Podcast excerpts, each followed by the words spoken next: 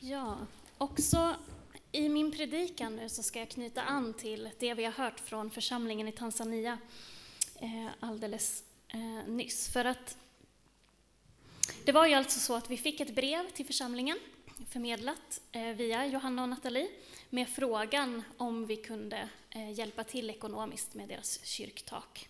fick vi i höstas. Och så kunde vi då ta ett ett beslut om en första gåva via styrelsen där och så bestämde vi redan före jul att vi skulle ha den här gudstjänsten där vi skulle kunna göra en större gåva. Det tog några månader, men nu har vi den. Eh, och då skickade jag med ett brev eh, till, med Johanna och Nathalie till eh, hans pappa Kosmas Eh, där jag skrev hälsningen att vi vill gärna vara med eh, och bidra och vi kommer göra det mer under 2022. Och jag är glad för den här eh, kontakten som vi har fått med er, skrev jag i brevet. Eh, så i februari fick jag ett brev tillbaka eh, via mail den gången. Och då vill jag läsa lite av vad han skrev där, jag översatte från engelska.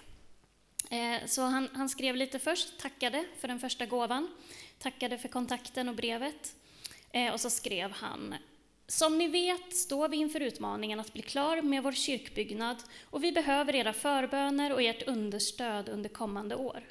Vår intention, om Herrens nåd är med oss, är att bli klara med taket till kyrkan så att vi fritt kan fira gudstjänst där till Guds ära. Vi kallar er i Pingstkyrkan Bua i Sverige för våra vänner i fysisk och andlig bemärkelse. Fortsätt be för oss och vi ber för er det här är ett gott första steg för City Church of Kagongwa och Pingstkyrkan Buas vänskap. Vi ser fram emot att höra ifrån er igen. Tack och vänliga hälsningar från Cosmas Makalila. Här betonas, som vi redan har nämnt innan, att de kallar oss för sina vänner. Och de uppmanar oss att be för dem så som de redan ber för oss. Och att det här är ett gott första steg i våra församlingars påbörjade vänskap. I detta skulle jag vilja eh, utgå ifrån i min predikan. Eh, I den församling som jag växte upp i eh, så hade vi flera vänförsamlingar i flera olika länder. Jag var 14 år när jag första gången åkte med eh, till Estland, till den vänkyrkan vi hade där. Vi fyllde en buss med förnödenheter, banankartonger packade med kläder och matvaror. Och så var vi ett litet team och så åkte vi över till Estland eh, och eh, mötte församlingen där som vi hade kontakt med och hjälpte dem i deras sociala arbete och delade ut de här paketen till familjer som den församlingen hade kontakt med. Det är ungefär 20 år sedan. Eh, och jag var med till Estland även en andra gång i mina tonår och sen reste jag med till Rumänien, till, för kyrkan hade också en vänförsamling i Rumänien. Eh, så under mina tonår så var jag på tre olika sådana resor där vi fick kontakt med församlingar och ungdomar i andra länder, fick vara med och bidra till deras sociala arbete. Men det var också så att vi bjöd in dem till oss i Sverige, att grupper ifrån de församlingarna kom till oss Eh, fick se eh, vår församling eh, vara med oss och vi firade gudstjänst tillsammans. Eh, och det var ju alltid vår, den svenska församlingen, då, vår församling, som stod för det ekonomiska. Det var vi, vi, det, kontakten med de här församlingarna började med att det fanns ekonomiska behov efter Sovjetunionens fall. Och det var så vår församling fick kontakt med Estland och Rumänien, att åka dit med förnödenheter och matpaket eh, och via en församling eh, vara med och förmedla det ut i samhället. Eh, och när vi så småningom då fick besök från de församlingarna till oss så var det ju vi som stod för ganska mycket av den resan så att de hade möjlighet att komma till oss i Sverige. Eh, så det var det ekonomiska som liksom var starten på kontakten och det var vi som stod eh, för det ekonomiska. Men det var ju inte pengarna i sig som var det betydelsefulla eller eh, det som fortsatte att vara det vi centrerades runt. Nej, när vi lärde känna varandra i församlingarna så var det ju själva besöken, själva kontakten med människorna, att fira gudstjänst tillsammans, att bjuda hem till sitt eget hem, att bli hembjuden till deras hem när vi var hos dem och lära känna dem. Det var ju det som blev poängen med de här vänförsamlingarna. Och de berikade oss eh, när de var hos oss. Inte genom att ge någonting fysiskt till oss, men av att vi byggde vänskap genom att vi firade gudstjänst och lovsjöng tillsammans. Eh, och när jag tänkte på det här så tänkte jag på vad Jesus säger i Matteus eh, kapitel 6, eh, vers 19. Eh, I Matteus kapitel 6 och vers 19 så säger Jesus Samla inte skatter på jorden, där rost och mal förstör och tjuvar bryter sig in och stjäl. Samla er skatter i himlen, där varken rost eller mal förstör och där inga tjuvar bryter sig in och stjäl. För där din skatt är, där kommer också ditt hjärta att vara. Jesus uppmanar oss att hålla koll på vad är det som, har, som är det viktigaste i våra liv. Vad är det eh, vi, var ska vi ha vårt hjärta någonstans? Och så eh, lyfter han upp detta som vi alla vet, att materiella saker, det rostar. Materiella saker förgår. Eh, materiella saker kan stjälas ifrån oss. Eh, materiella saker består inte in i himlen. Eh, men det som består, det vi tar med oss till himlen, det är ju människor. Eh, så samla på människor, eh, skulle man kunna säga. Eh, samla på gemenskap. Jag ska se där. Eh, ta vara på människor, ta vara på vänskap, ta vara på kärleken, glädjen, delaktigheten. För det är människor vi samlar i himlen, inte prylar. Inte pengar, inte kyrktak, inte byggnader. Vi behöver dem här på jorden, men de består inte. De är bara medel som vi behöver använda här och nu. Men det är människorna, relationerna och gemenskapen. Den eh, bygger våra inre liv och det håller eh, i evigheten. Eh, så låt ditt hjärta finnas bland människorna och inte bland prylarna. Och jag tycker vi har gjort en mäktig manifestation här idag när vi får veta att vi, som inte är jättemånga i den här salen, har samlat in 19 000 kronor till det här kyrktaket i Tanzania. Och vi vet att det kommer lite, ytterligare lite mer. Och igen, det är inte summan som är den viktiga. Det är inte pengarna som är det viktiga, utan det vi gjorde var och en, oavsett om du kunde vara med den här gången och ge, eh, oavsett om du gav en 10 krona eller om du kunde ge en hundring eller mer, summan är inte det viktiga. Det vi gjorde som gemenskap här, det var att vi sa, våra pengar är inte det viktigaste i våra liv. Våra pengar har vi inte bara fått för att liksom fylla på oss själva, för att sko oss själva, för att liksom användas för vår egen skull, utan våra pengar har vi fått för att kunna välsigna andra. Och det gjorde vi som en manifestation här idag. Oavsett om just du kunde vara med i insamlingen eller inte, så är du med i en församling som säger pengar är inte till för mig. Pengar är till för att ge till den som behöver och på så sätt kunna bygga en kontakt och en gemenskap och en vänskap med andra människor på andra platser. Och ja, det är det viktiga. Vi samlar skatter i himlen, inte här på jorden. Och det är ju så att det är vi i västvärlden som behöver vara mest uppmärksamma på det här. För det är vi som sitter på pengarna och de materiella tillgångarna. Vi behöver vara uppmärksamma på att inte det blir våran Gud, att inte det blir där vårat, våran skatt är. Eh, att, eh, att det är just de här prylarna, eller att jag har så här mycket pengar på kontot, som är det som skapar trygghet i mitt liv. Pengar är viktiga, när man inte har dem, då märker man hur viktiga de är. Men vi behöver uppmärksamma på att de inte blir våran Gud. Att de inte blir någonting som bara är till för mig själv och min egen lycka. Utan vår utmaning, det är att det, den materiella vi har, det kan vi få vara med och ge vidare till andra. Eh, för att andra ska få, få det bättre. Och en annan utmaning för oss i väst, världen, det är också att, tro, att inte tro att det är vi som har allt av värde, bara för att det är vi som har pengarna. Att det inte är vi som kan allt, som har all kunskap, eller som har all, alla typer av erfarenheter, eller att det alltid är vi som vet bäst eh, och kan allt. Eh, utan utmaningen när vi är med och ger av våra materiella tillgångar, ser att vi har mycket av pengar som vi kan ge till andra, det är att se och lägga märke till vad har de som de kan hjälpa oss med, som vi har brist på. Att ha pengar är inte att ha allt. Det är inte att veta allt eller kunna allting. Utan när vi ger så behöver vi också vara beredda och öppna för att ta emot. Vad har den här andra människan eller den här andra kulturen att ge mig som berikar mig där jag har brist?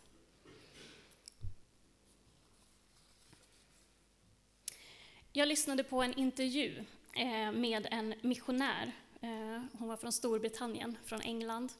Hon är nästan 80 år.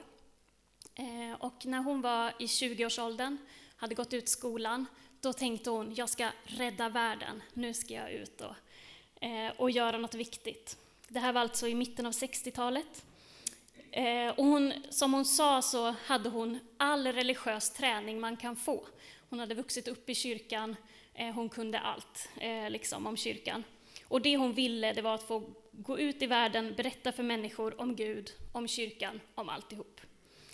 Eh, och på olika vägar så var det, hamnade hon i Uganda. Och så sa hon så här i intervjun. Eh, Min uppfattning om Gud var ganska begränsad vid den tiden. Gud var såklart vit, han var en man, han var brittisk. Jag identifierade Gud utifrån mina egna glasögon och min egen kultur, så som vi alla gör omedvetet. Så jag tog den här vita brittiska guden till Uganda, dit jag blev sänd på missionsuppdrag, för att berätta för de stackars människorna där om min Gud. Men det jag upptäckte när jag kom dit, det var att Gud redan var där. Det var inte alls jag som tog dit Gud. Han fanns redan där. Gud var inte så begränsad som jag tidigare hade trott. Han var mycket större. Och det var genom gästfriheten hos de människorna som jag bemötte, De människorna som jag i min tanke kom dit för att hjälpa. Det var att de välkomnade mig med öppna armar, de lärde mig sitt språk och de visade mig en sån överväldigande vänlighet att Gud växte för mig. Han blev större. Mina tre år i Uganda förändrade mitt liv och vände min värld och mina uppfattningar helt upp och ner. Och sen berättar hon om att när hon efter tre år kom tillbaka till England, då tänkte hon på all den fattigdom hon hade sett. Hon hade sett behovet av sjukhus och skolor, behov av praktisk hjälp för de som var där. Men så säger hon, men jag tänkte också på vikten av mötet med en annan kultur, hur det hade utmanat mig och gett mig ett större perspektiv på livet och på Gud. Jag visste att fler måste åka dit för att bli välsignade på samma sätt som jag hade blivit. Men också för att vara med och bygga skolor, sjukhus och gräva brunnar med mera. Och så småningom så startade hon en missionsorganisation för att skicka ut flera eh, engelska ungdomar att, att, få resa till olika länder. Och den växte till att de ett tag hade hundratals missionärer i 26 olika länder. Men hennes utgångspunkt var, det är inte jag som har en massa saker som jag ska dit och ge, utan vad allt som jag får när jag kommer dit, det är så viktigt för mitt eget liv och för min tro, att fler måste få uppleva det de, de vita västerlänningarna måste få komma till en annan kultur för att Gud ska få bli större. Och sen kan vi också hjälpa till med vissa saker. Men det är så lätt för oss att vi tror att vi vet allt. Både om livet i allmänhet eller om Gud. Det är lätt att vi sätter oss på våra höga hästar och tänker på att nu är det jag som har något att ge dig. Och nu är det jag som har allt så fint och ordnat och bra och nu ska jag hjälpa dig som har det så dåligt och inte har något i dig själv.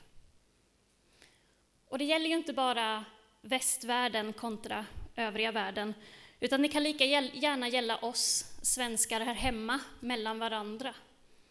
Det är lätt att den kristna tron kan råka bli något som får mig att tänka att jag är lite bättre än andra.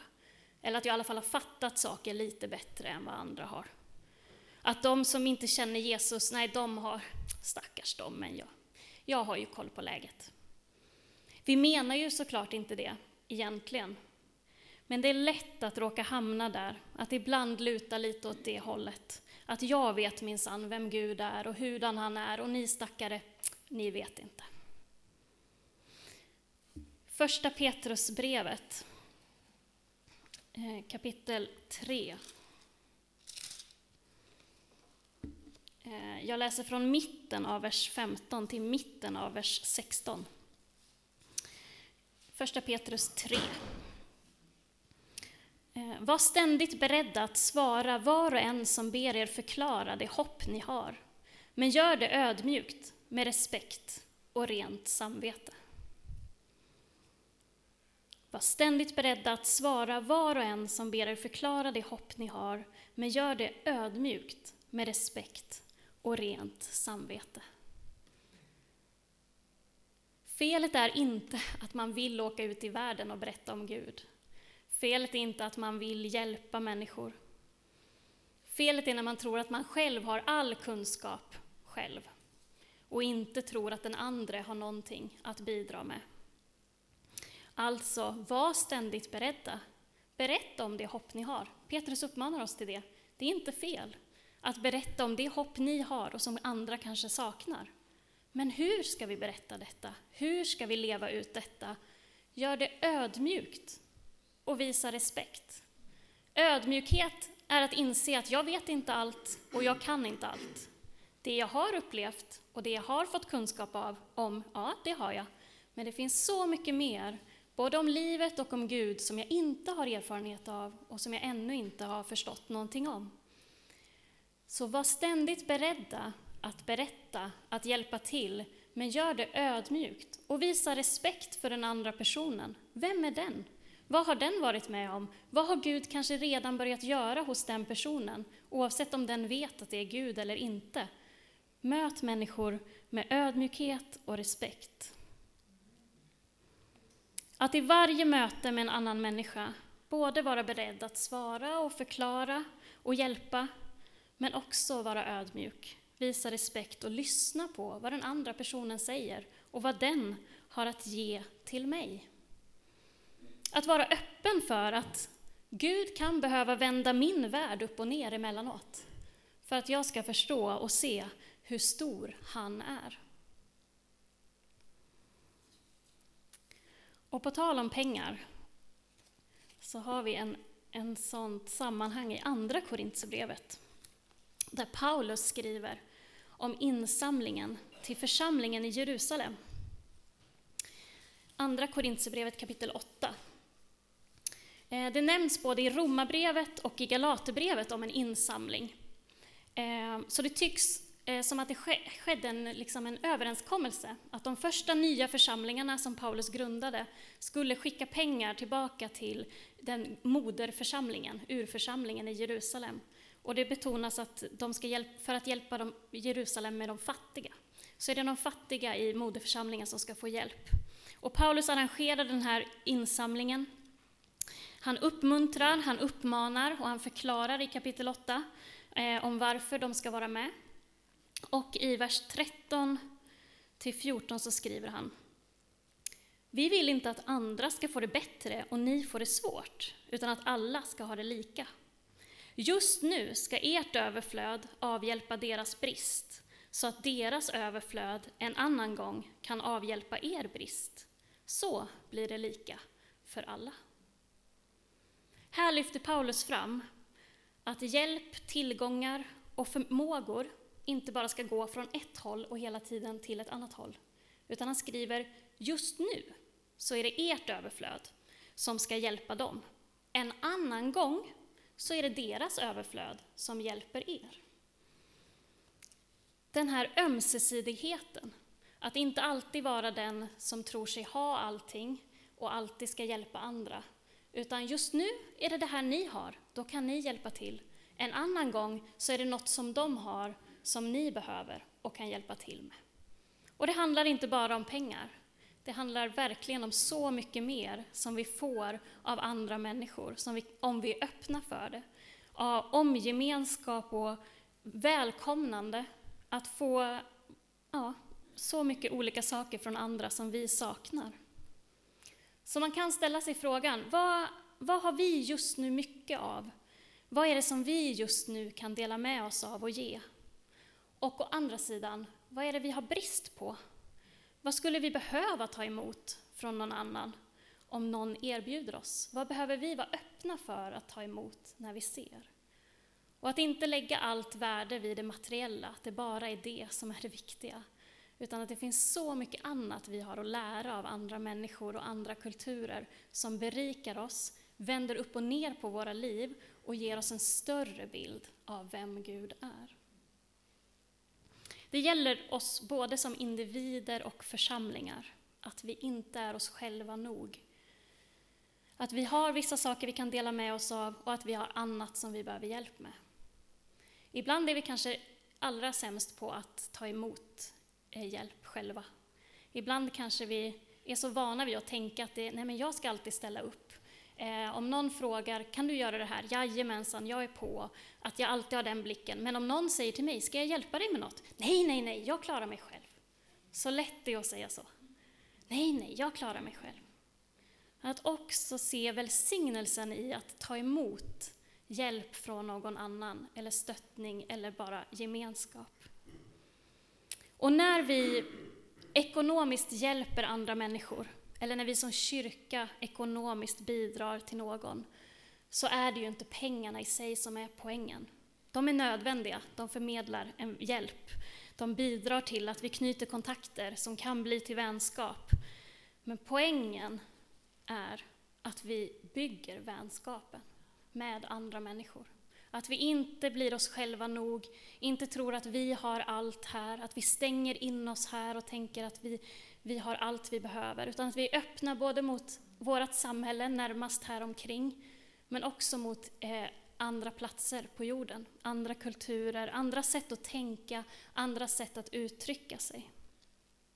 Att vi inte bara träffar människor som är lika oss, eller inom dessa väggar bara bygger våra relationer, utan att vi vågar bygga relationer med människor som är annorlunda, olika. Där vi både kan vara med och ge, men också vara öppna för att ta emot vad de kan bidra med till oss. Så låt oss inte vara en kyrka som stänger in sig. Låt oss inte vara en kyrka som håller hårt på vårt eget, utan som med öppna händer delar med sig och med öppna händer tar emot vad andra kan ge oss. Även om det kan vara på oväntade ställen kanske, och så som vi inte har tänkt oss att det skulle gå till. För Gud kan behöva vända vår värld upp och ner emellanåt, så att vi får se hur stor han är. Vi ber tillsammans. Herre, jag tackar dig för att du är här. Jag tackar dig för din närvaro. Jag tackar dig för att vi får spegla oss i berättelser som andra människor har varit med om, att vi får spegla oss i bibeltexterna, Herre. Jag tackar dig för att du vill öppna våra hjärtan för dig ännu mer och på samma gång öppna våra hjärtan för andra människor, Herre. Att vi får möta och lära känna människor som kan ge oss en större bild av vem du är, Herre. Du ser oss var och en här, du ser vad vi behöver, vad vi står i, Gud. Några av oss kanske behöver få vår värld upp och nervänd för att vi ska få en ny blick på dig, en ny bild av oss själva och världen runt omkring oss. Låt oss våga det, Herre. Låt oss våga överlåta våra liv i dina händer. Även om det ibland innebär att vi får släppa kontrollen. Och det kan vara läskigt. Men Herre, jag ber att den som längtar efter en ny bild av dig ska våga ta det steget. Överlämna sig helt till dig, Herre, och låta dig visa på nya vägar, på nya håll, Herre, för att få se hur stor du är. Jag tackar dig för församlingen, Herre, här. Tackar dig för att vi får komma till dig som en gemenskap. Vi är inte bara individer, Herre, utan vi är en gemenskap. Vi söker dig, Herre. Och vi ber dig, använd oss och låt oss få vår värld bli upp och nervänd och bli större. Att vi får som församling kliva in i det du vill att vi ska, ska vara i och stå i, Herre. Det som vi kan hjälpa till med, men också det vi kan behöva ta emot hos oss, Herre. Det som vi behöver från andra människor för att få se hur stor du är. Tack helige Ande för att du är här. Tack för att du talar till oss och tack för att vi får vara i din närvaro. I Jesu namn. Amen.